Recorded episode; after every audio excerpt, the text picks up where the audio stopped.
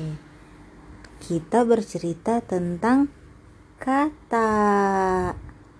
Judulnya adalah Kata. tentang kata yang cerdik.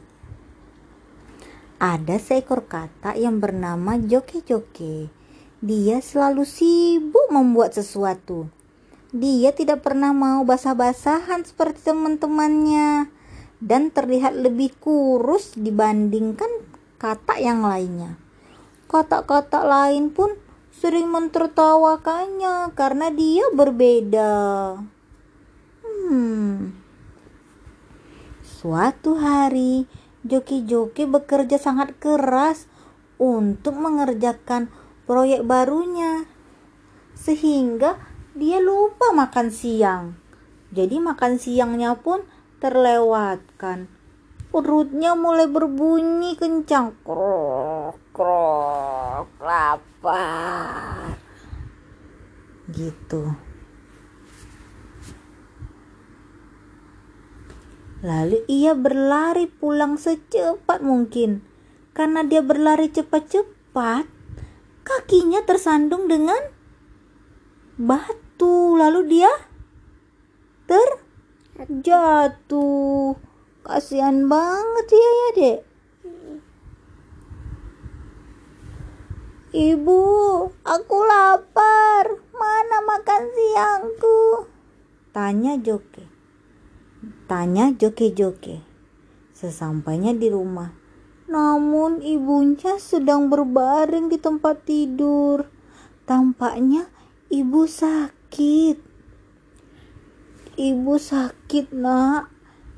Ibu jatuh ke selokan ketika mencari makanan.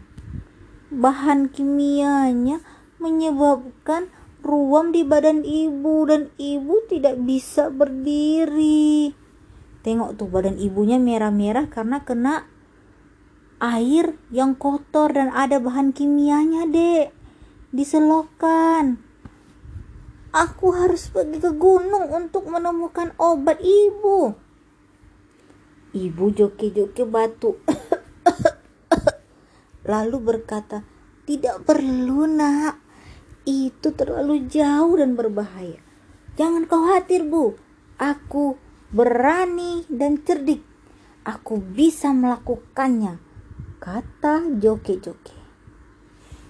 Lalu anaknya pun berangkat ke gunung. Joke-joke berangkat menuju gunung. Tapi tiba-tiba tak lama kemudian ia sampai di sungai yang besar. Bagaimana caranya dia bisa menyeberang menyeberanginya? Apa idenya? Idenya botol. Wah, pintar kali ide adek. Yes, benar. Idenya sama dengan idenya joke-joke. Karena tiba-tiba sebuah botol plastik mengapung melewatinya. Joke-joke pun punya ide sama kayak kayak Safira. Aku akan menggunakan botol itu sebagai perahu, lalu mengapung menyeberangi sungai. Botol itu perahu yang bagus. Tuh, joki-joki merubah botolnya menjadi perahu. Namun sekelompok ikan segera mengerubungi joki-joki. Mau pergi ke mana kata? Tanya ikan yang besar. Tolong jangan makan aku. Aku sedang mencari obat untuk ibuku yang sakit.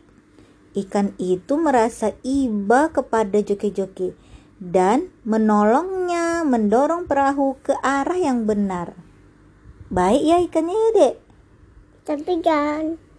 Tak lama kemudian joki-joki melihat kata perahu yang keren. Teriak salah satu dari mereka. Terima kasih, balas joki-joki. Apakah kalian tahu di mana letaknya gunung? Tentu kami bisa menunjukkan arahnya kepadamu, kata para kata itu. Mau kata. Ini Kata ada dua ya. ada sama anaknya satu. Joke-joke menikmati perjalanan dengan teman-teman barunya. Siapa itu? itu kata joki-joki kan kata juga mereka mendengarkan idenya dan tidak menertawakannya Siapa di belakang? itu jalan Siapa di belakang? Hmm, Siapa di belakang? itu jalan sayang jalannya Siapa yang belakang di sini? ini anaknya. Oh yang kecil ini. Iya. ini anak katanya ini ayahnya ini ibunya. Ini anaknya. Mereka menolong joki-joki mencari gunung. Namun joki-joki masih mengkhawatirkan i ibunya di rumah lagi sakit. Itu gunungnya. Gunung sudah terlihat dan sudah waktunya para katak pulang. Joki-joki pun memberanikan diri melanjutkan perjalanan sendirian. Akhirnya ia tiba di gunung, tempat daun istimewa tumbuh. Dia akan membuat obat untuk ibunya dari daun itu. Hore, aku berhasil! Seru joki-joki. Ketika joki-joki siap pulang ke rumah, dia mendapatkan ide lagi. Apa idenya? Kontong. Iya, benar. Pinter adek ya. Kantong. Ya, sama ide adik dengan ide joki-joki. Kantong plastik yang berterbangan karena angin itu akan menolongku membawa aku pu pulang. Dia mau pulang naik kantong, Dek. Dipegangnya kantong itu dan lu dia terbang ke udara.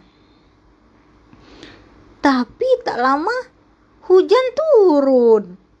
Kantongnya jadi basah dan membuat parasutnya jah jatuh. Ah, jatuh si joki-jokinya karena hujan.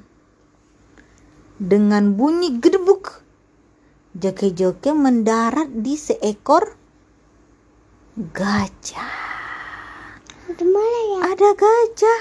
Jadi dia tadi pas menjadikan kantong plastiknya parasut, dia terbang jatuh dia ke gajahnya. Gitu deh. Tamat. Hmm, belum. Gajah itu dia kan mendarat di seekor gajah. Gedebuk. Gajah itu terkejut. Hah? Apa itu yang mendarat di atas punggungku? Ini aku, joki-joki si kata. Aku sedang mencoba mencari jalan pulang untuk memberikan obat ini kepada ibuku yang sedang sakit. Bisakah kau membantuku? Kata gajah. Eh, kata si joki-joki. Mau nggak gajahnya tolong? Mau? Baiklah, aku akan membantumu. Lalu gajah itu pun melemparkan joki-joki ke udara dengan sekuat tenaga. Wuhu, aku terbang. Seru joki-joki. Hah, tapi kemudian seekor elang yang lapar melihat seekor katak yang terbang di udara. Gimana nih? Ada elang, Dek. Yang datang ke obat ibu ya. Ha, kena kau. Kata pohon. Hahaha. Seru elang. Jangan makan aku. Joki-joki memelas. Aku harus membawa obat ini untuk ibuku. Dia sedang sakit parah. Hmm, baiklah. Aku akan membantumu. Elang setuju. Lagi pula kau terlalu kurus untuk bisa membuatku kenyang. Kata elang. Jadi dia nggak jadi dimakan elang, dek. Elang pun menolongnya mengantar sampai ke ru ke rumah. Ah. Akhirnya dia sampai di sampai di mana dia? Di rumah. Ibu, aku pulang. Aku membawa obat untuk ibu. Kata joki-joki gembira. Ha, karena obat yang dibawa sama joki-joki, ibunya segera sembuh. Ah, ye, hore, ibu sudah sembuh. Dia gembira sekali ibunya sudah sembuh. Bagaimana bisa kamu pergi ke gunung dan kembali? Tanya ibunya. Lalu Joke-Joke menceritakan pengalaman besarnya dan bagaimana dia dengan cerdasnya menggunakan sampah untuk membuat ini. Joki-joki menggunakan sampah untuk membuat benda-benda baru yang bisa menolongnya. Dia tadi pakai botol untuk apa? Perahu, ya kan? Ibu bangga kepadamu, kata ibu joki-joki. Joki-joki tak lagi khawatir dengan apa yang dipikirkan kata lain tentang dirinya. Dia nak ambil ini punya orang. Mm-mm. Ah, dia tahu dirinya berbeda dengan yang lain. Oh, udah lagi. Dia bisa membantu orang dan dia membuat benda-benda keren. Hmm, tuh kan? Aku punya banyak ide baru. Lihat saja nanti apa yang akan aku buat selanjutnya. Tuh, joke-joke banyak ide untuk memanfaatkan sampah-sampah. Biar sampah-sampah bisa dipakai untuk hal yang bermanfaat. Gitu, Dek. Ma. Tamat.